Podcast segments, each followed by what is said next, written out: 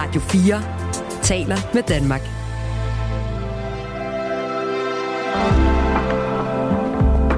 Velkommen til det sidste måltid. Det her, det er jo programmet, hvor at Lærke Kløvedal hver uge inviterer en gæst ind i studiet, eller rettere sagt ind på Restaurant Frank, hvor at programmets huskok, Jonas, har lavet deres sidste måltid. Hvad de kunne tænke sig at spise til forret, hovedret og dessert. Samtidig med det, så har Lærke strikket en nekrolog sammen af ting, der er tidligere skrevet om gæsten, og derved på en eller anden måde præsentere gæsten for, hvad der potentielt kunne ske, hvis nu, at personen skulle ske og dø i morgen. Det er der heldigvis ingen, der har gjort indtil videre. Det får bestræber vi os på, eller ikke bliver tilfældet fremadrettet. Men i den her uge af det sidste måltid, så sender vi en lille highlight-udgave.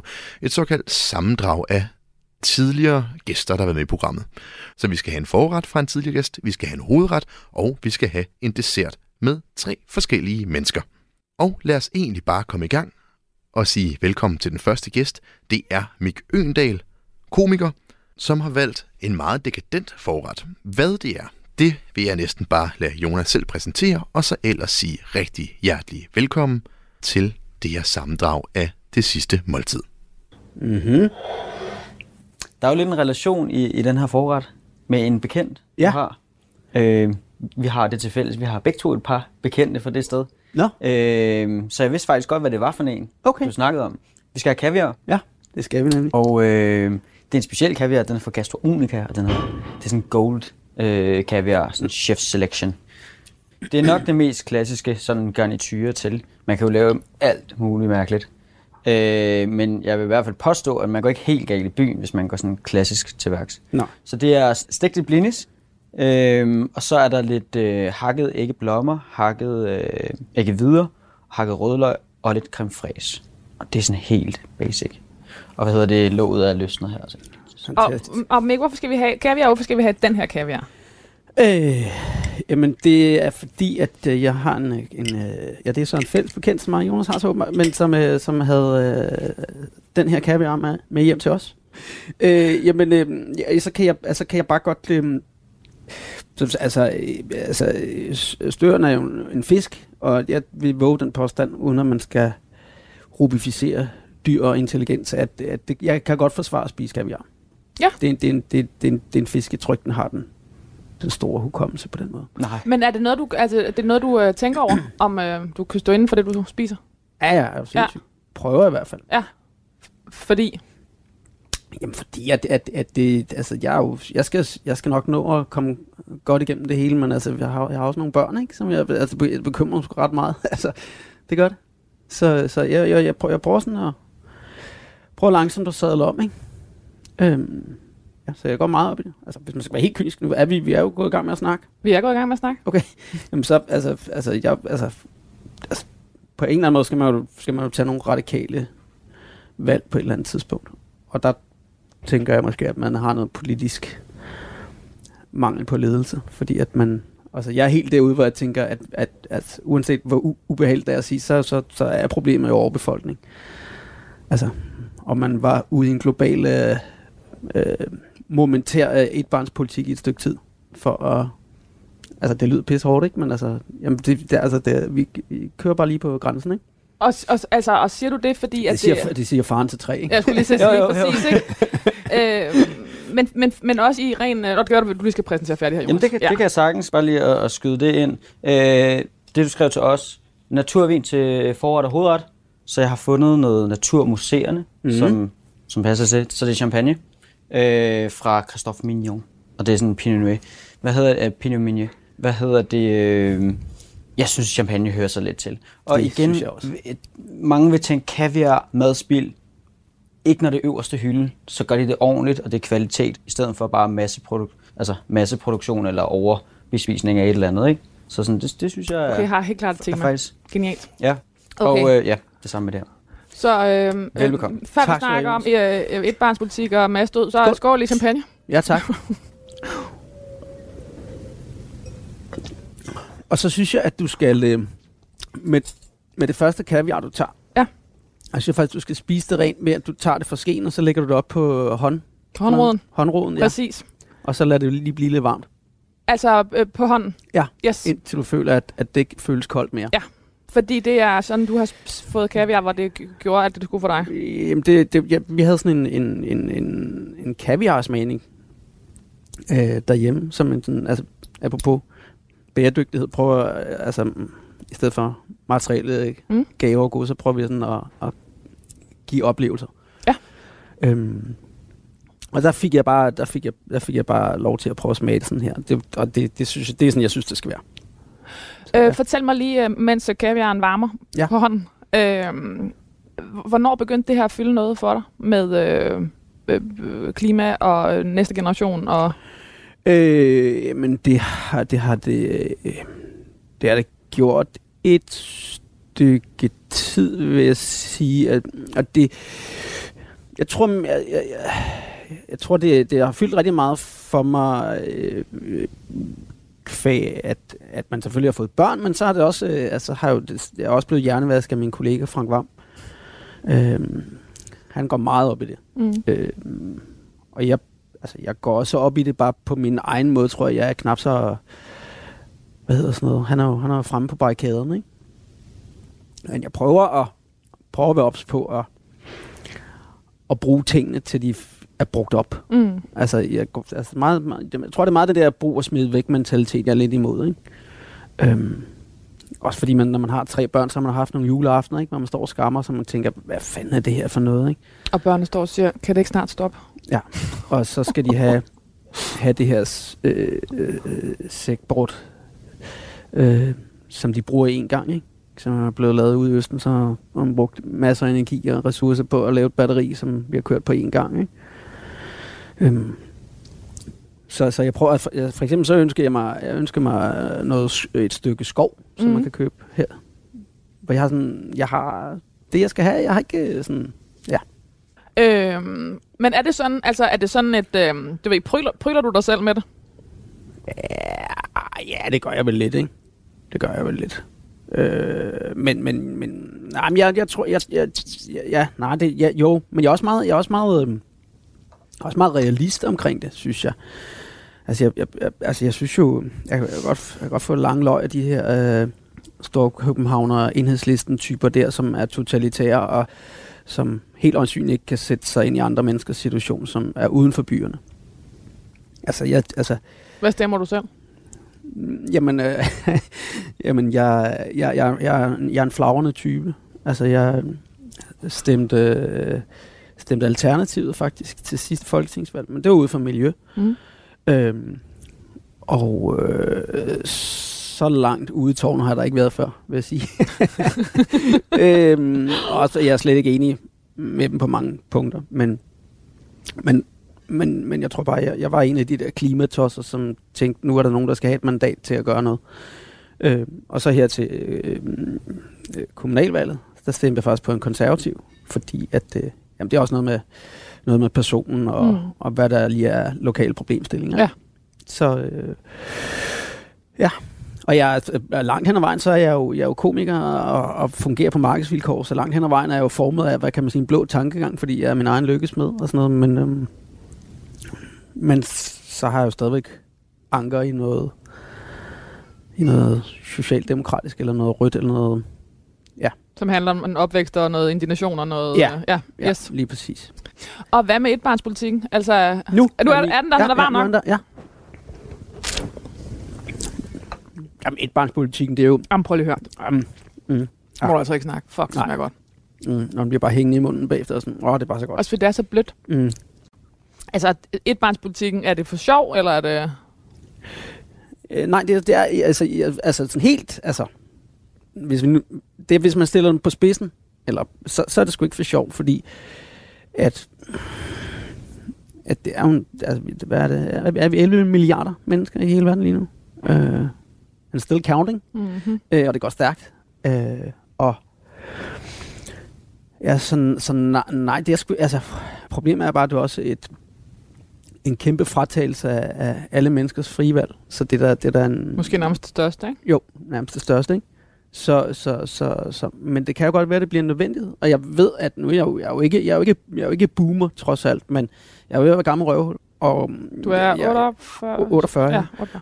Men jeg ved da, at der er unge mennesker, det kan man godt sige, når man er så gammel som jeg er, midt i 20'erne, som, som har taget en beslutning om ikke at få børn, simpelthen for at se det hele i det store perspektiv. Ikke?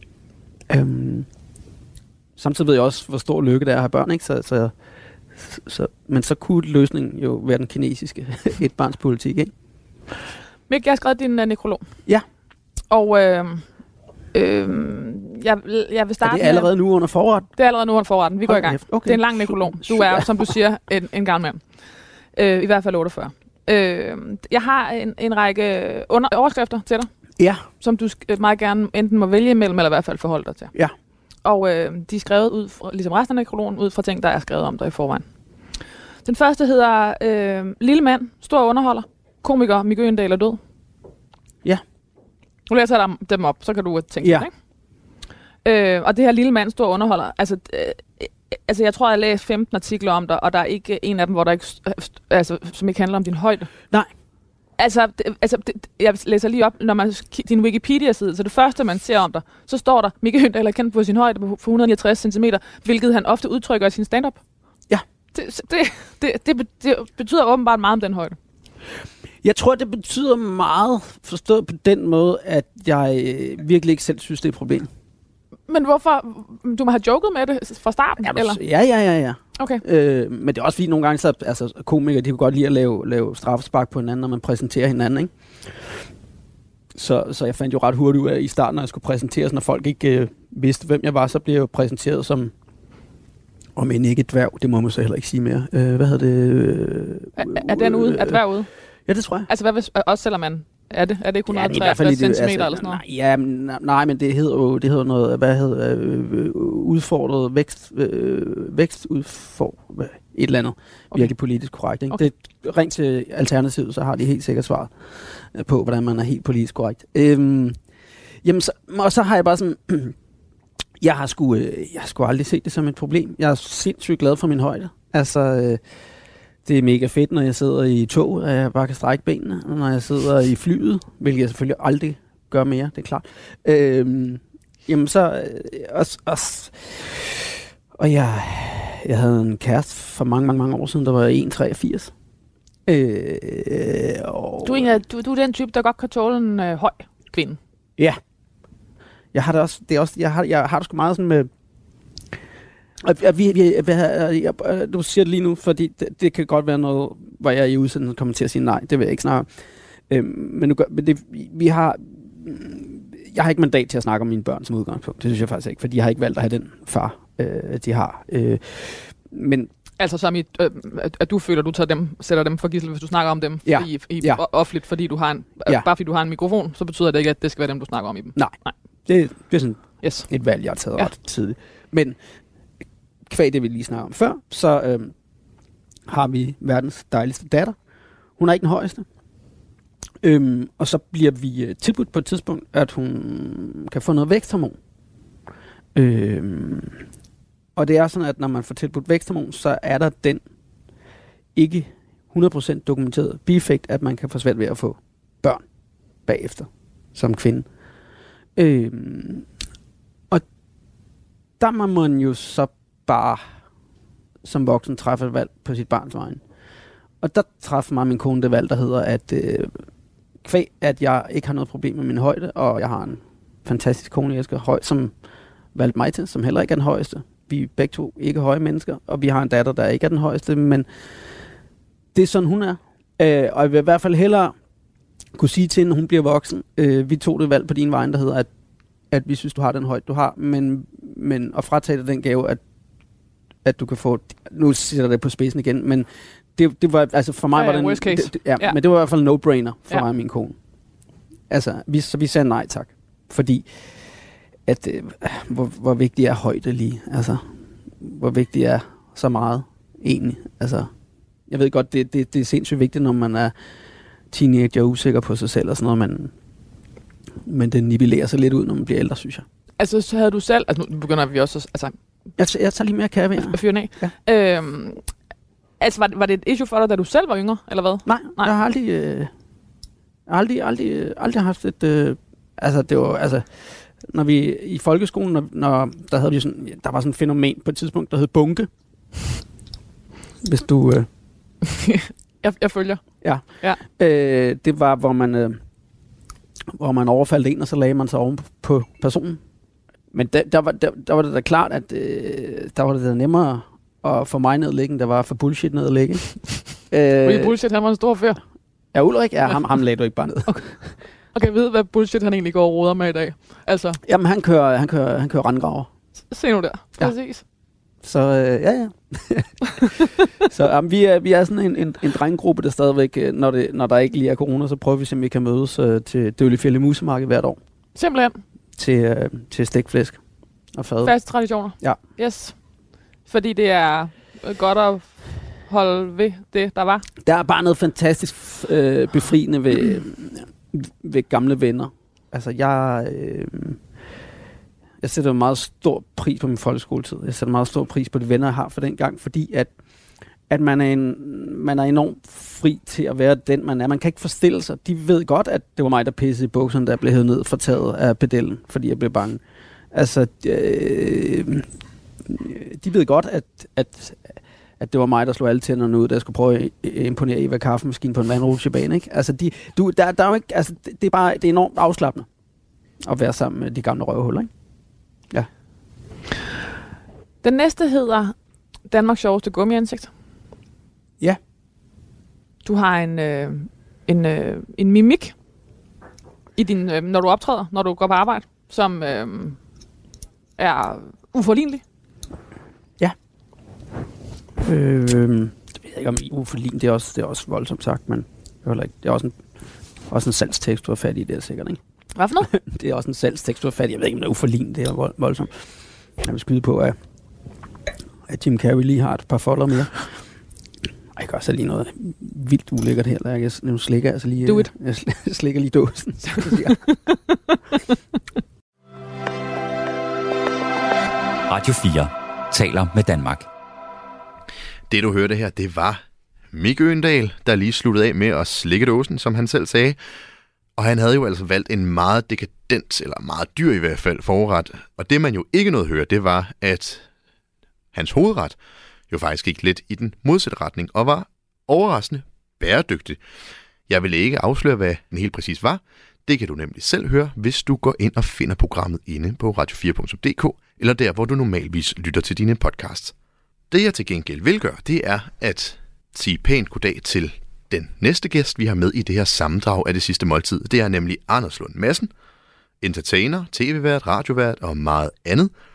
Og han har egentlig også valgt en rigtig, rigtig dyr forret, men den får vi altså ikke glæden af i den her uge i stedet for. Så skal vi høre, hvad han godt kunne tænke sig til sin hovedret til sit sidste måltid.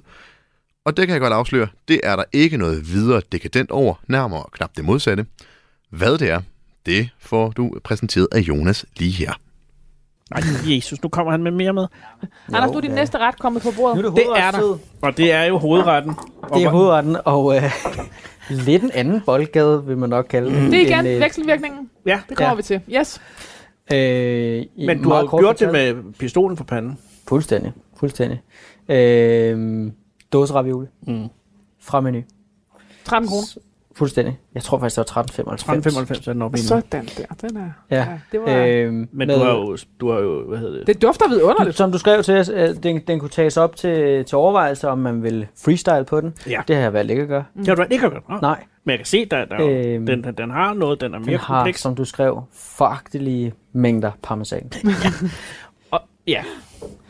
Men det lugter edder hak med godt. Det er og, det, og, det er, og, og, og, du må sige, altså, det var jo dåseretten fra gamle dage. Og du, Og der er jo Jonas, må noget- være for ung tid. Jeg har fået dåsemad, da jeg var mindre. Absolut. Men, men, men, men altså, Jeg har aldrig prøvet den der. Det må jeg blankt erkende. Der er jo noget med ting, som har altså, ikke ligget i en dåse i 20 år, det lyder forkert, men som er blevet, altså, som har fået lov til at overleve så længe. Ja. Altså, det, det, har jo, det, det kan jo noget. Altså, det, det bliver jo nødt til at smage godt, ellers så bliver, er det jo ikke blevet solgt, ikke i, solgt. øh, præcis. Så, der, må- så der, hele balancen mellem sødt, syre, salt og umami, den er der, må der jo være. Jeg har ikke smagt den her før. nej, men, men, men, og det tror jeg, den er men jeg, altså for mig har det bare været, at øh, dengang, at øh, vi blev passet, øh, min bror og jeg, af, øh, øh, barnepiger, hvis mine forældre skulle ud, så skulle vi skifte til at bestemme, hvad vi skulle have, og så var det her altid mit valg. Øh, og, og det er bare en, en meget... Øh, den er ekstremt driftsikker, fordi det er altid den samme smag. Det har altså vist sig, at øh, hvis man tager til Sverige, øh, så er der øh, forskellige øh, andre dåseraviolier. Nå, men det er ikke den her, der smager noget andet. Det er ikke ligesom, når man drikker jo, eller andet fordi- sodavandstyper, som pludselig i nogle lande, så, smager, så er der puttet dobbelt så meget abs- det er, okay, Men det Måske, ja, ja. præcis, fordi så i, her i julen, hvad synes du? Uh, det smager dåse ravioli. Men det er der også. Men i julen, så havde de i Sverige, øh, så kom der en ny dåse, den samme mm. producent, så står der ny opskrift. Men den har jeg jo aldrig forstået, den der nye forbedrede smag i det hele taget. Hvad er det? Altså, Nej, eller- fordi man køber vel aldrig noget. i det her, det jo må være lige præcis mindet. Ja, Ja, nej, men også bare fordi man køber aldrig noget, fordi det har fået en ny forbedret smag. For Ja. man købte det jo, fordi man købte... Man, det, præcis. Lad altså, være med at lave ny forbedret smag. Ja. Lav det, de har plejet. Men Jonas, du har faktisk forbedret smagen, fordi du har puttet... Ja, måske Alt på, det her. prøve en lidt bedre Ja. ja. parmesan på, hvad hedder det, end, end, end den der, som allerede er lavet til pulver i forvejen. Ja, men jo, jo. Mm. Øh, men, men, men jeg kan fuldstændig relatere til det. I, i, hvis, hvis man ikke har fået øh, forloren skildpadde på dåse, så tænker man, det skal jeg aldrig have i mit liv. Altså, det kan jeg sagtens dykke ned i den dag i dag. Uden Og det er nemlig øh, et godt eksempel, fordi at, at så begyndte øh, slagter, slagter over på Kaplevej pludselig at lave forloren skildpadde i en form for luksusudgave. Det var vi ikke interesseret i. Det skulle smage, som det plejede. Ja, fordi det der Ja. kød skal jo travle på den. øh, At det, der, der er, det er jo det, man køber, når man køber øh, hele fabrikater.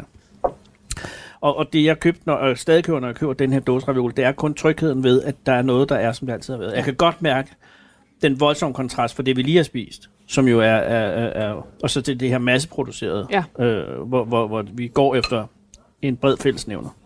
Men så, øh, og jeg vil sige, den vinder ikke ved at komme lige efter øh, en skovsø. det kunne godt være, at man ville have arbejdet omvendt, hvis man sådan skulle gå efter sådan... Øh, Der er, en, ja, der altså, altså, hele, hele maven nu siger nej. Men det, og det taler kun din kokkekunst til jer, Jonas. Nå, det er godt. Fordi ja. at, at hvis nu man sagde Gud endelig, nå, ja, præcis. Ej, hvor var det rart. der, det var da rart Så komme. kommer der jo en tredje runde, så kan det være, at vi, vi trækker tilbage igen. Se nu der. Præcis. Måske. Det er så. Velbekomme. Tak. Tusind tak. Mm. Øhm, du, vi kommer fra, at latter vælter jo ingen regimer, sagde han. Ja. Altså dig i et interview til Niels Thorsen. Måske derfor flettede han karrieren igennem programmer om døden, ind mellem satire og underholdning. Helt alene på DR2 øh, 2009, Du skal dø på DR1 2003, Jeg vil dø på DR1 2018. og måske nogle flere. Mm. Øhm, hvorfor havde du lyst til at begynde at lave den type programmer? Jamen, jeg tror, det startede med, at der var en... At jeg, jeg var stadig på Ekstrabladet, og jeg havde øh, udfordringer med hensyn til det der med at finde nogle, øh, nogle, noget, noget journalistik, som, som ikke var optaget af bedre og dygtigere folk end mig. Og så fandt jeg ligesom et refugium i, i de her dødsannoncer, fordi der var virkelig ikke rigtig nogen opmærksomhed omkring det. Og så havde jeg bare øh, sådan en formodning om, at folk, hvor man efterlyste pårørende, der måtte det være enormt gribende historier. Jeg tænkte, de sad alene, og, og så var de døde, og så var de glemt, og så ville jeg ligesom sørge for, inden de var helt glemt, at, at, at, at lave et portræt af, af den ukendte. Ikke? Og så viste det sig så, at det var ikke tilfældet. Øh, nogle gange var det til, men ofte var der alle mulige andre årsager til, at man ikke lige havde nogen pårørende, eller fik efterlys. Det kan være, at man var blevet uvenner. Det kan være, at man øh, ikke havde nogen familie, men havde masser af venner og sådan noget. Jeg husker, den allerførste, jeg lavede, var en kvinde ude for, jeg tror, det, det var nogle ældreboliger ude på Frederiksberg, hvor hun var død, og hun havde, en, øh, hun havde noget skizofreni, eller noget. Jeg er ikke sikker på, at det var diagnostiseret, men hun var, hun var død på det her beskyttede bolig øh, i sin lejlighed i sengen, og hendes hjemmehjælper, som det hed på det tidspunkt, hende, der kendte hende bedst, hun fortalte, at hun havde øh, en enorm stor skræk for, at der skulle komme nogen mænd gennem vandlåsen på hendes toilet øh, og voldtage hende. Og øh, derfor var hendes primære bekymring over for hjemmehjælperen altid, om de huskede at lægge låg. Øh, fordi hvis ikke kom låg, så, så kom de, og hun oplevede nat efter nat at blive voldtaget af de her mænd, der kom gennem vandlåsen. Ikke? Og, øh, og, så, og så kunne jeg jo sætte mig ind i den frygt for, at når hun ikke havde, fordi hun fortalte, at nogle gange havde hun ikke fået spurgt om det, ikke? Mm. Og så tog hun ikke sove, fordi hun var bange for lyden ude fra toilettet. Og den der øh, helt primale øh, skræk for sådan noget, kunne jeg godt sætte mig ind i, og, og, og, og jeg, kan, jeg kan ikke forestille mig, øh, hvor, hvor dyb en skræk det må være at have det sådan. Ikke? Og så prøvede jeg så at finde ud af, hvem, hvorfor var hun ind ligesom der i, sit, i sit liv. Og så var der en anden hjemmehjælper, som kunne om, hun var kommet over fra Sydjylland, så vidt jeg husker, og hun havde hun var blevet gravid i en ung alder, øh, og så havde faren tvunget hende til en abort, og ellers så vidste de ikke noget. De vidste bare, efter det, så havde hun blevet øh, underlig. Men altså, det var tredje, firehånds udsagn og sådan noget. Ikke? Men hele den her lille bitte fragment af historie om en kvinde, øh, var så eventyrligt, at, øh, at, at det eksploderede langt mere end, end 20 andre artikler i Ekstrabladet, som også er glimrende, men som bare ikke havde det her ekstreme drama i sig. Og altså, var, øh, fordi det er, jo, det er jo klart, det, er jo, øh, det, øh, det, det giver jo eftertanke, det der med, at, at tænk, hvis man skulle ende der, hvor øh, der er ikke... Uha ja. Altså, så var det også en skræk for det. Ja, ja. Og det er meget banalt med, at jeg var meget ensom i min ungdom. Altså, som jeg mange tror, jeg oplever øh, en vis pe- periode af deres liv, at have, at- hvor man ikke ser så mange. Øh, og der havde jeg en periode der, hvor jeg var 14 til jeg var 16 og sådan noget, ikke? hvor jeg virkelig sad meget derhjemme og ikke havde nogen, og, ligesom, og, og mine forældre arbejdede, og så sad jeg der og var vidderlig øh, utrolig ensom, og havde ikke nogen, og, jeg havde ikke, og det var sådan før internettet, og der var ikke noget, og fjernsyn var der ikke noget om eftermiddagen. Og så havde jeg min mors fagblad, som var sygeplejerske, og min far som ingeniøren, og så havde, var de medlem af øh, Louisiana Klub, så der var sådan noget Louisiana Revue. Og ellers var der ikke noget. Og jeg havde, og så sad op på biblioteket, og sådan, jeg havde virkelig øh, et fravær af, af, af indtryk, som var helt utroligt. Og det var jo en, en forfærdelig tid for mig, synes jeg, fordi jeg sad og, og længtes efter en eller anden form for menneskelig kontakt. Og det kan jeg jo sætte mig ind i, når jeg så hører, fordi i mange af de her tilfælde var der jo en ensomhed ind over. Øh, og det var... Øh, altså, når man har været, prøvet at være ensom, så er det... Øh, så er det en følelse, man ikke slipper igen, når man kan mærke den, øh, når man så kan mærke den hos andre, så er det ligesom, mm. at man har en særlig lugt over sig, som, som er øh, meget nem at genkende. Og, og i en vis forstand var det jo også for hele, og, og en trang til at gen, på tryg afstand at genbesøge det der. Mm. Øh, Anders Lund Madsen voksede op i middelklassen på en vej i Sovnfri, hvor ja. børnene levede deres eget liv med fællesleje på vejen mellem rækkehusene. Anders' far var en lille venlig mand. Lille venlig og meget morsom mand, der charmerede alle. Moren var et glad og taknemmelig menneske, men ret nervøs, da drengene var små. Anders' mor var sygeplejerske, hans far var ingeniør og opfinder, og Anders Lund Madsen beskrev sin barndom som tryg og meget legeagtig. Da han var 6 år gammel, blev han ind- indlagt på Rigshospitalet med børneepilepsi. Tag endelig mere vin. Jamen, det kan det nok være, jeg gør. I øh, seks lange uger skulle han blive i sengen og måtte kun få besøg en halv time om ugen. Du godeste. Mm. Den var det dengang. Det var fredag fra halv seks til seks om aftenen. Og så kunne man ligge der resten af tiden og være Og, og have hjemme du. det værste i verden. Ja, det er det virkelig det værste. Men det var, det var en anden tid, og det var bare sådan noget, det var sådan noget inde på Rigshospitalet, sådan nogle 16 børnstuer, og så øh, øh, jeg sad, og fordi man kunne kigge i et af vinduerne, kunne jeg så kigge ned på parkeringspladsen, øh, og så sad jeg bare og kiggede og ventede på. Det var virkelig, virkelig, virkelig sødt. Øh, men, det- men det var jo også bare, øh, fordi at dengang så var Der det, kan man lære ensomheden at kende. Ja, og der var ikke rigtig andet end det, fordi at det ville forstyrre børnene, hvis de fik besøg hele tiden. Og du kan jo ikke have sådan nogle forældre rendende hele tiden. Så derfor havde de sat det i system, øh, og så var det fredag fra 17.30 til 18. Der kunne man komme. Og så kom mine forældre, og nogle gange også min storebror, og så... Men blev du så rask af det? Nej, nej, nej, nej. Jeg var der, jeg var der faktisk syv uger, og jeg blev ikke andet end, at de fandt ud af, at, øh, at jeg var allergisk over for øh, mælk og, og selleri. Men det havde ikke rigtig noget at gøre med... Men med ikke længere. Nej, det er blevet bedre. Nej, for det kurerede vi, fordi der var nemlig en kur for... Så du havde ikke børneepilepsi? Jo, altså, de fandt aldrig ud af, hvad der var galt. Nå. Det var fordi, jeg begyndte at få nogle absencer, Ja. som er sådan noget med, at man sidder og bliver mm. lidt absent. Ikke? Altså, man er... Så, mine forældre kunne ikke komme i kontakt med mig. Og jeg var ikke sådan besvimet noget, jeg sad bare og i luften. Og det tror jeg i en vis forstand, de tænkte, det går nok over. Men det gjorde det så ikke. Og så, øh, så på et tidspunkt, så blev de øh, så indlagt øh, øh, af, af, vores læge, af familiens læge, der sagde, vi må have et eller andet, fordi det må have været blevet værre eller noget. Og så lå jeg der en sommer på Rigshospitalet, og så kørte de alle mulige forskellige somatiske undersøgelser, uden at finde ud af noget. Øh, og så fandt jeg så ud af det der med mælken, og så tænkte jeg, vi har noget. Og så blev jeg udskrevet med, øh, med en behandlingsplan for min mælkeallergi, og det var noget med en dråbe kokmælk hver aften i en uge, og så to dråber og tre dråber, og så kom vi helt op på en tesipul kokmælk. Og så Fordi planen var, at du bare skulle, blive, skulle kunne spise, drikke mælk igen. Præcis, fordi hvad skal landbruget ellers klare sig?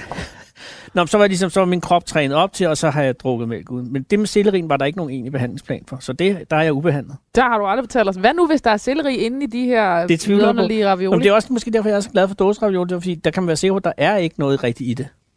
Tryk med. Det er trygt mad, Ja. og det er mad, øh, som, som også er en sejrsmad for mig, ikke? fordi jeg, det var, når jeg bestemte. Men jeg må erkende, lige nu, når jeg nu smager den, ikke, så er det jo, kan jeg godt mærke en fornærmelse mod. Men det tror jeg også er vigtigt. Når man sidder her og, og Men jeg er helt spiser ærlig, jeg den tænker, jeg tænker hvis vi havde spist den omvendt. Øh, og selvfølgelig skulle det være den her række, for det giver helt mening. Men, øh, Jamen, men, nu men, har vi lagt... Men øh, øh, øh, altså, det er voldsomheden i, i skiftet. Men et eller andet sted tror jeg måske, der er en pointe i, i det, som, vi, som jeg bare ikke helt har gennemskuet endnu. Med at, at, at, at, øh, fordi de her middage, som du inviterer folk på, ikke, Mm. er jo deres sidste, og derfor skal det jo også være øh, et eller andet sted det bedste, man kan forestille sig. Øh, men, men der synes jeg også, altså hvis jeg får muligheden for øh, at få den sidste måltid, når, det, når tiden er, at, at så også at skulle øh, opleve kontrasten der, øh, vil være, øh, altså enhver idiot kan spise østers, øh, hvis det er det, man elsker. Øh, og, og, og, og, og, og, og den her suppe, hvis det var den, altså, jeg ville elske at slutte med den, ikke? Men, øh, men et eller andet sted, så ville det også være en god sidste huskekage i at spise Mm. noget lidt dårligt mad. Fordi sådan var livet også aktivt. Sådan var livet også. Og så kan man påskynde det gode bedre. Radio 4 taler med Danmark. Det du hørte her, det var et klip fra et tidligere program af det sidste måltid, hvor Anders Lund Madsen var gæst. Og hvis du vil høre programmet i sin fulde længde, så kan du gå ind på radio4.dk, eller der, hvor du normalvis henter dine podcasts. Og vi sender jo et sammendrag i den her uge af det sidste måltid, derfor så har vi tidligere haft en, altså inden Anders, så kunne du høre Mik Øendal få sin forret, og lige om lidt skal vi også til en dessert. Inden det, så vil jeg jo sige, at hvis du nu er en af dem, der har hørt alle afsnit af det sidste måltid, og egentlig gerne vil høre noget andet, så kan du altid gå ind på radio4.dk eller i Radio 4's app, og så kan jeg anbefale at tage et lyt til Anders Bøtter, der også laver et virkelig godt portrætprogram, der hedder Portrætalbum, hvor han inviterer forskellige kendte mennesker ind og snakke om et album, der har været definerende for dem. Og nu skal vi til den sidste ret i dag, og også den sidste gæst. Det er Stine Bramsen, som er sangerinde og sangskriver. Og som man blandt andet kender fra den kvindelige stemme i bandet Alphabet. Og vi kommer ikke lige direkte ind på Stines dessert. I stedet for, så starter vi lidt før, hvor Lærke er i gang med at læse hendes nekrolog op og forholde hende til, hvordan det egentlig var, da Alphabet virkelig var ved at blive internationale superstjerner. Hvilket ikke nødvendigvis altid er så fantastisk og skønt, som man måske lige regner med det er. I hvert fald, så kan du høre en lille bid af Stines nekrolog her. Rigtig god fornøjelse. Alphabet øh, underskrev kontrakt med EMI i England Mm. og slog sig ned i London for at arbejde øh, med gamle og nye sange til deres øh, engelske debutalbum This is Alphabet, der udkom i juni 2008. De varmede op for Lady Gaga mm. og blev kaldt det største popband siden ABBA. Ja. Og Stine Bramsen blev ifølge den engelske formiddagsavis The Sun tilbudt en rolle i den første Sex and the City-film. Ja, det skete vist aldrig rigtigt, det der. men, men der gik rygter om, at jeg ville få det tilbudt. Men det var også det, der var altså, virkelig sjovt ved at opleve England, altså den der engelske tabloid-presse. Helt ekstremt. Altså, og det er også noget, man tænker i. Altså, vores manager var sådan, hvordan kan vi skabe noget fed tabloid-presse, så alle de okay. opdager alfabet, ikke? Okay. Der er for eksempel historien om Katy Perry, der kyssede mig på et tidspunkt. Ja. Som, Du er hun ikke the gjorde. girl. Altså, I kissed the girl, and var I det. liked it. Det Det var dig. Ja, men det havde han pludselig tænkt, hvad nu hvis vi skaber den historie, at det var i virkeligheden dig, hun synger om. Hold kæft, hvor kunne det skabe god omtale, ikke? Og sådan var vi jo slet ikke vant til at tænke i lille Danmark. Altså, Og det var, der var intet af det, der var sandt. Altså, det var ud af... Det, altså, jamen, han, han får den idé, og så placerer han alfabet til en Katy Perry efterfest, når hun spiller i London. Velvidende, at den bliver holdt øh, i et rum, hvor der er glasvinduer på begge sider, og tabloidpressen bare kan stå og tage billeder. Og jeg ved ikke, om, om hun decideret har fået at vide, at hun skal gå hen til mig. Men det gør hun i hvert fald. Og begynder at viske ting i mit øre. Vi står og danser lidt, og så visker hun nogle ting i mit øre. Og der tager de så et billede, der en lille smule ligner, at hun kysser mig. Hvis man rigtig gerne vil have det til at se sådan ud, ikke? Og så er det pludselig en historie. Og det er jo bare sådan... Det var jo sjovt at spille med på. Men det var også vildt at opleve, at det, sådan, det var faktisk altså, noget, folk I havde planlagt skulle ske, i håb om, at det ville skabe en masse overskrifter. Og det gjorde det også, også i Danmark, ikke? Men du kendte hende ikke? Nej, nej, vi havde aldrig mødt hende før det, og vi mødte hende aldrig igen. Det var bare en Og sådan efterfest. bliver man en del af hin- hinandens liv på internettet. Ja, ja, ja. Helt vildt fjollet, altså. Og det var også sådan, at managementet var sådan, kan vi ikke finde en eller anden kendismand, du kan date? Fordi jeg var den eneste, der var single i bandet. Det, var sådan, det kunne være virkelig fedt, hvis du datede en eller anden, der var kendt, fordi så ville det også skabe noget. Jeg var sådan, "Jamen, det kan jeg da ikke bare. Kan altså, Grant i dag. ja. Okay, så. Hvad, øh, hvem var I, da I tog derover, og hvem, og hvem øh, du ved, øh, ikke da I tog derfra, det er for tidligt, men mm. du ved, hvem, hvordan var den første tid, hvad var det, mens, altså, Jamen, hele det der ryg fra København til London er jo ret vildt, når jeg kigger tilbage. Altså, altså I kom fra, øh, I, I, I boede i, i København, og du arbejdede i Folkekirkens Nødhjælp. Ja, og politikken som sælger. Nåede også at bo med en veninde, jeg mødte der på politikken, inden vi flytter. Men vi bor i København i to-tre år. Knap tre år, tror jeg. Så da jeg er 20, flytter vi til London. Og så var vi bare sådan, nu starter vi skulle forfra i England, ikke? Og det gjorde vi vidderligt. Altså det kan godt være, at vi havde et kæmpe pladeselskab i ryggen, som troede på os, og et management. Men vi startede med at spille øh, på spillesteder for tre mennesker, der ikke anede, hvem vi var, som bare lige var der tilfældigvis, fordi de kedede sig den aften. Og byggede det virkelig sådan op på den helt old school måde. Og hvordan var starten der, at komme til tre mennesker på en pop? Det var ret vildt at, øh, at opleve. Altså, jeg tror også, det var med til at holde, holde benene på jorden på en eller anden måde. Altså, fordi pludselig så... Jeg var lige måske kommet til et sted, hvor man kunne begynde at blive sådan lidt forvent med netop en rider, og ordentlige forhold, og nogen, der henter mig. Og, og pludselig så stod jeg og skulle klæde om på et lille toilet på en eller anden snusket pop. Og så sådan gå the walk of shame fra toilettet ind på scenen foran tre mennesker, og så føle mig som popstjerne, ikke? Og det var bare sådan, det var så absurd. Der skal man virkelig nå at tro på det, for det. Jamen, helt vildt. Altså, det tror 10 jeg meter. virkelig, vi fik nogle hår på af, ikke? Ja. Altså, det er rimelig, en rimelig hardcore testing. Og, øh, og det var bare, det er bare så pissestolt af, at vi gjorde det og spillede. Vi spillede jo et eller andet latterligt 250 koncerter på de første halvandet år. Vi spillede hele tiden. Og for hver gang vi kom tilbage til en eller anden lille by, Brighton, så var der kommet 100 mere. Og pludselig stod vi og kunne spille kæmpe koncerter, ikke? I London. Og det er bare sådan... Det, var vi bare mega stolte af, at vi holdt fast i at gøre på den der måde. Altså, at vi var et rigtigt band, og vi ikke bare var et eller andet popfænomen, som lige skulle varme op for Spice Girls og gøre det på den nemme måde. Øhm, så det, ja, det er sådan noget, jeg glæder mig til at fortælle mine børnebørn om, ikke? Eller mine børn, når de fatter, hvor sejt det er. Det kommer de aldrig til. Nej, det er ikke sikkert. Børn fatter det aldrig. Alphabet afslog at spille som opvarmning til Spice Girls, fordi de ville gøre det selv. Mm. Og synes det var for weird at optræde for folk, der ikke kendte dem. Ja. Ja. En sindssyg udtalelse. Ja. Altså,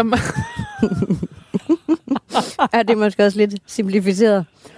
Men, øhm, men den der sådan...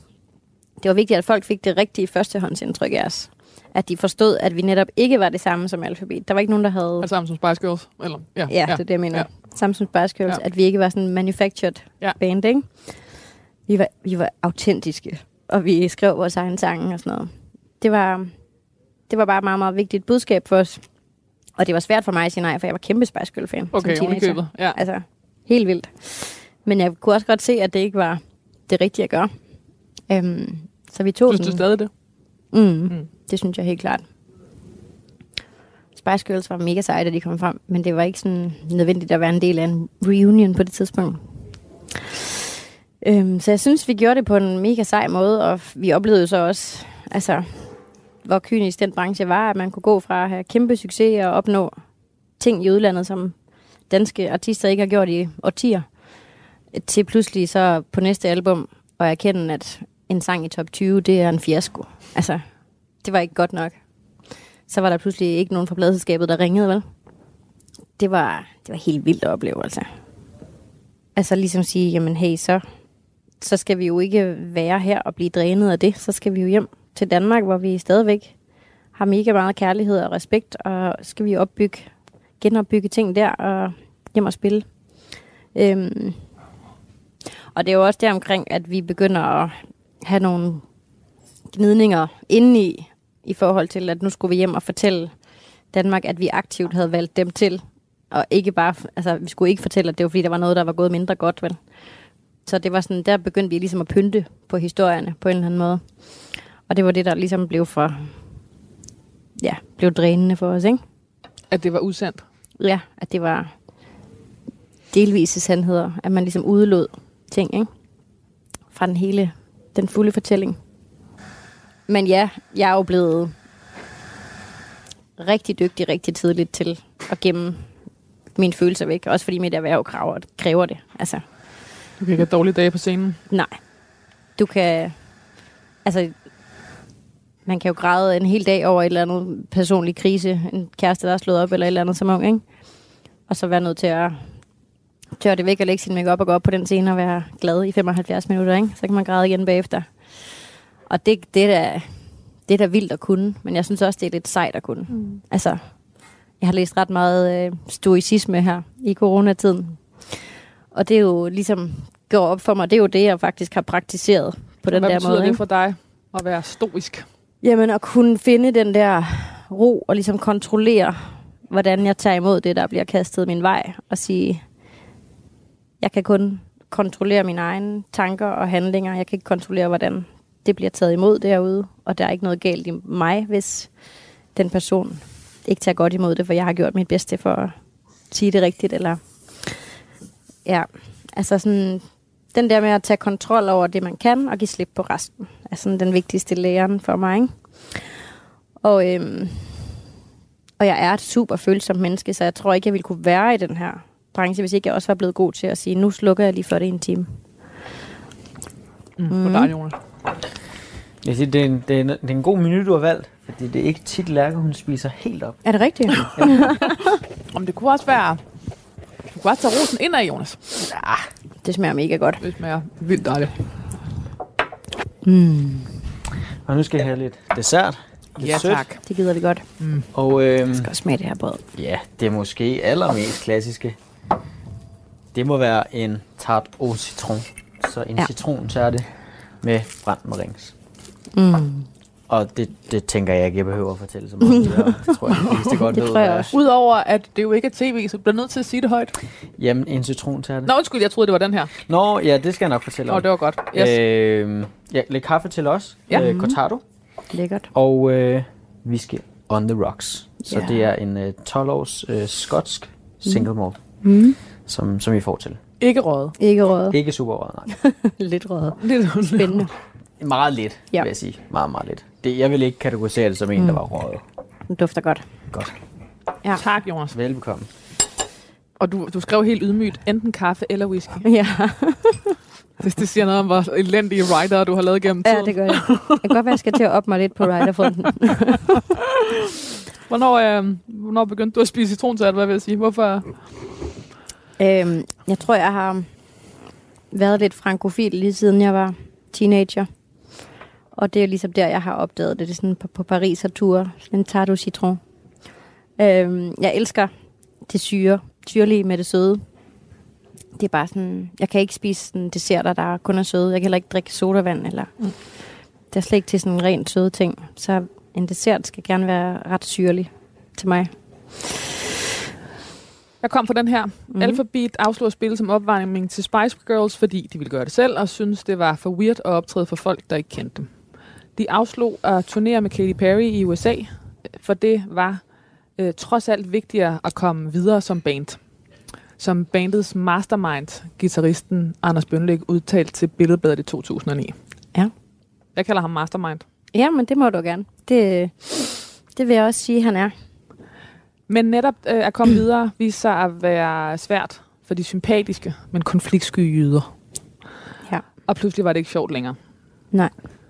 Festen for Alphabet brændte ud øh, i England, øh, og undervejs på det tredje album mistede Stine Bramsen sin selvtillid og sin følelse af at være noget værd. Mm. Alt sammen beskrevet hjerteskærende og rystende ærligt i DR3-dokumentaren Alphabet, da festen forsvandt fra 2019. Ja. Hvad, øh, hvad, hvad gjorde det ved, øh, ved jeres venskab og, øh, og, og, og slå op som band? Øhm, det var helt klart hårdt at slå op, og, og, øhm, og hele sandheden blev jo heller ikke sådan i talesat. Altså, Rasmus Snal, vores keyboardspiller, han var mega ked af det, da vi samlede bandet igen, og tog hele snakken af at finde ud af, hvor ked af det flere af os havde været, og han ikke havde set, at jeg havde mega meget brug for en ven på det tidspunkt.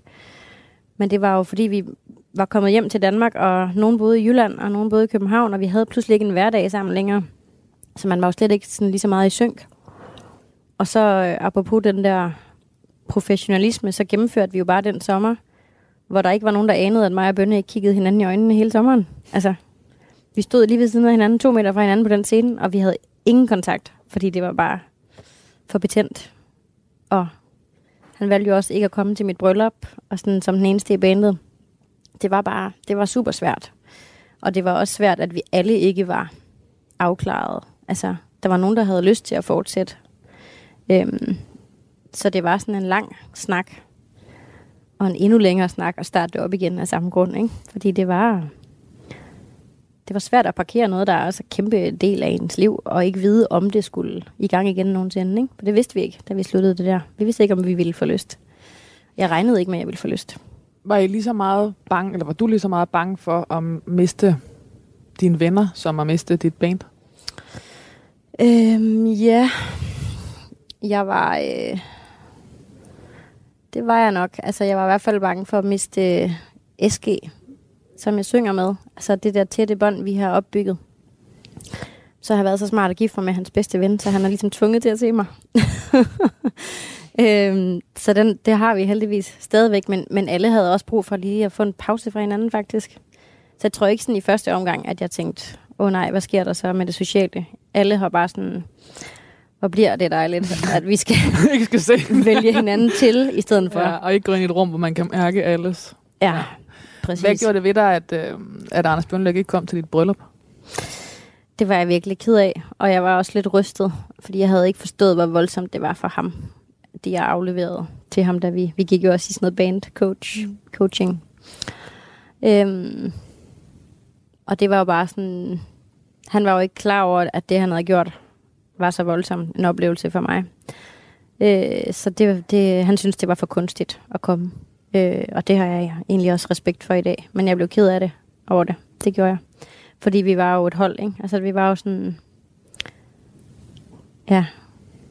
Øh, sådan et, et ord, der går, er gået igen mange gange, øh, når jeg har researchet på dig, har været... Øh, du meget sådan tydeligt, øh, igen det der med loyaliteten og anerkendelsen, men et ord, du har brugt meget, i, både om Anders Eske og, og Anders Bønlykke, er, at du beundrer dem. Mm. Øh, har du været i tvivl om, at de beundrede dig? Absolut. Altså det har jeg helt klart haft rigtig meget brug for, at de sagde højt. Altså det har jeg manglet, ikke? At få at vide, at øh, det blev set. At jeg tog øh, en kæmpe en kæmpe en forholdet. Altså, og at øh, jeg, jeg har, når i øh, sådan sårbare perioder har haft en følelse af, at de synes, det lige så godt kunne have været en anden end mig, ikke? Og udefra får jeg videre, alle, at det kunne kun have været dig, og du er alfabetagtigt, ikke? Øh, så den har nogle gange været svær. Altså, øh, og jeg har nok først rigtig... Jeg kommer aldrig til at få den helt. Jeg kommer aldrig til at få ham til at sige direkte til mig, og kigge mig i øjnene og sige, tak for alt det, du har gjort. Og det, det har jeg måske lidt brug for. Øhm, men jeg har fået det indirekte i det her samarbejde. Jeg har, jeg har fået en, den der følelse af respekt fra ham og fra dem, og anerkendelse. Øhm, men jeg, ja, det er nok sådan, hvis vi nu skal gå ned ad den her dramavej, altså inden jeg dør, noget af det, jeg har brug for, at få det tak, og sige, og han har sikkert også brug for det fra mig, fordi det er sådan en dobbelthed, ikke? at han er også sådan, du var ikke kommet her, hvis ikke jeg havde skrevet de sange til dig. Øhm, og det er Anders Bønlyk, du mener? Ja. Og, og jeg har det jo også sådan, at hvis ikke jeg havde sunget dem og promoveret dem, så var de ikke kommet så langt. Så det er sådan en, det tror jeg, vi skal gøre en dag. Sætte os ned og kigge hinanden i øjnene og sige, tak for fanden, hvor er det vildt, hvad vi har opnået, på grund af os begge to. Ikke? Os alle seks, men også begge to også. Stine Bramsen gik her efter solo både mm. som øh, sangerinde, men øh, også som sangskriver. Og sårbarhed, erfaring, styrker og svagheder piblede frem i numrene. Alphabet øh, forsanger sødmefyldte popmusik er umanerligt godt selskab. Stine Bramsens solodebut understreger hendes talent for organisk popmusik, skrev Pernille Jensen blandt andet i Politiken i 2015. Meget fint. Stine Bramsen havde resten af sin karriere to roller, der hele tiden uundgåeligt blev ved med at sno sig ind i hinanden. Mhm. Som en del af det uforløste, men dragende fællesskab med bedstevennerne fra Alphabet. Og med succesfuld solokarriere i eget voksne navn. Mm. Hvorfor tænker du uforløste med bandet? Jeg har ikke set jer på den sidste turné. Nej. Som du startede med at fortælle om. Mm-mm. Øh, lukkede øh, nogle døre på en fin måde. Mm. Nej, det er nok det, der er lidt af forløsningen for mig. Ja. Ja. Altså, så kan du jo fornemme, der vil altid være følelser i klemme med, med, på nogle områder og sådan noget, ikke? Men sådan som band og fællesskab, der fik vi helt klart sådan en ny autentisk måde at være sammen på. Og et nærvær, som vi ikke havde haft før. I hvert fald ikke siden vi var 18-19 år gamle, vel? Og vi pludselig bare stod der sådan af ren spilleglæde, og vi havde valgt hinanden til. Og vi kunne da sådan kigge hinanden i øjnene, mens man fik en tår i øjnene hver aften, ikke? I den sidste sang. Det var virkelig, virkelig fint. Og det er sådan, jeg får lyst til at løbe hen og kramme dem alle sammen, bare jeg tænker på det, ikke? Så uforløst skal i virkeligheden øh, skiftes ud. Ja, det synes jeg. Det synes jeg, det er blevet. Jeg synes, det er blevet forløst. Og Så kan man måske skrive... Signe Bramsen havde resten af sin karriere to roller, der hele tiden uundgåeligt blev ved med at sno sig ind i hinanden. Man må også sige, hvis det er forkert jo. Men som en del af, skal jeg sige, for, formativ og dragende fællesskab ja, med bedstevennerne fra Alphabet og med succesfuld solokarriere i eget voksne navn. Det kan du sagtens. Altså, fordi for ud fra det her, så, så dør jeg jo nu, ikke? Ja, men så er det, så er det rigtigt. Beklager. Jamen, det er okay. Jeg er ikke så bange for døden. Hvorfor er du ikke det? Øhm, jamen, det er jo igen stoicismen. Det er jo ligesom bare en del af... Det er det eneste, vi ved. Vi skal, vi skal alle sammen dø. Stine Bramsen efterlader sin mand Kasper Adspøl Mm. og deres to børn. Ja. Jeg havde været hendes minde. Puha. Ja. Sådan nogle ord der, de er lidt frygtelige, ikke? Så bliver det meget virkeligt. Ja, det vil jo som sagt være det værste, hvis det rent faktisk skete. Ja. Stine Bramsen, hvad skal der stå på din gravsten? Jeg har ikke tænkt over noget, der skal stå på min gravsten. Og jeg ved heller ikke, om jeg skal have en gravsten nødvendigvis. Altså, det, det tænker jeg vil være lidt op til min tætteste familie, om de har brug for, at der er et fysisk sted at gå ned og ære mit minde. Ellers så kunne jeg godt være typen, der bare ville spredes på en smuk blomstereng. Øhm, brændes, ja, det tror jeg. Sådan noget. Der behøver ikke på den måde være et monument. Men hvordan vil du gerne huskes? Hmm. Jamen, det er jo sådan noget, jeg har været spændt på i dag, fordi man føler ikke, at man allerede sådan bliver husket for noget andet end hun var med i alfabet, agtigt, ikke? Øhm, men øh, ja, det ved jeg ikke, som en kvinde, der øh, tog livet og levede det fuldt ud og greb chancer, men også var omsorgsfuld og fuld af kærlighed. Altså eventyrlysten, men ansvarlig over for sin elskede, ikke? Det er min evige balance, tror jeg. Sådan, jeg har brug for adrenalinen, men jeg har selvfølgelig også brug for at mærke min tætte kerne derhjemme, ikke? Øhm, så det er sådan den, den jeg søger, og det, det tænker jeg også, i hvert fald dem, der kender mig godt, vil huske mig for, at jeg er lidt af det hele. Stine Bramsen, tusind tak, fordi du vil være min gæst i det sidste måltid. Selv tak. De der fem bandmedlemmer har set mig at komme den dag, du skal på har bare stået Ja, der. det tror jeg også, de gør. Det vil jeg sige. Det, altså, hvis ikke de gjorde for fem år siden, så gør de det nu. Nu er vi tættere end nogensinde. Ja. Tak, fordi du vil være med. Så tak. Radio 4 taler med Danmark. Og det du hørte her, det var altså Stine Bramsen, da hun var med i det sidste måltid. Og med det, så er vi også nået igennem en forret, en hovedret og dessert med henholdsvis Mikke Øndal, som fik en forret, Anders Lund Madsen, som fik en hovedret, og altså Stine Bramsen her til sidst, som fik en dessert. Og du kan høre alle programmerne i deres fulde længde, der hvor du normalvis lytter til dine podcasts. Og til slut så vil jeg endnu en gang lige anbefale, at hvis man lige savner at lytte til et rigtig godt samtale portrætprogram, så kan jeg kun anbefale Portrætalbum, som vi også sender her på Radio 4 med Anders Bøtter. Og med det, så er vi også nået til vejs ende i den her uge. Mit navn, det var Kasper Risgaard, og jeg vil gerne sige tusind tak, fordi I lyttede med. Og lige om lidt kommer der en masse andet god radio.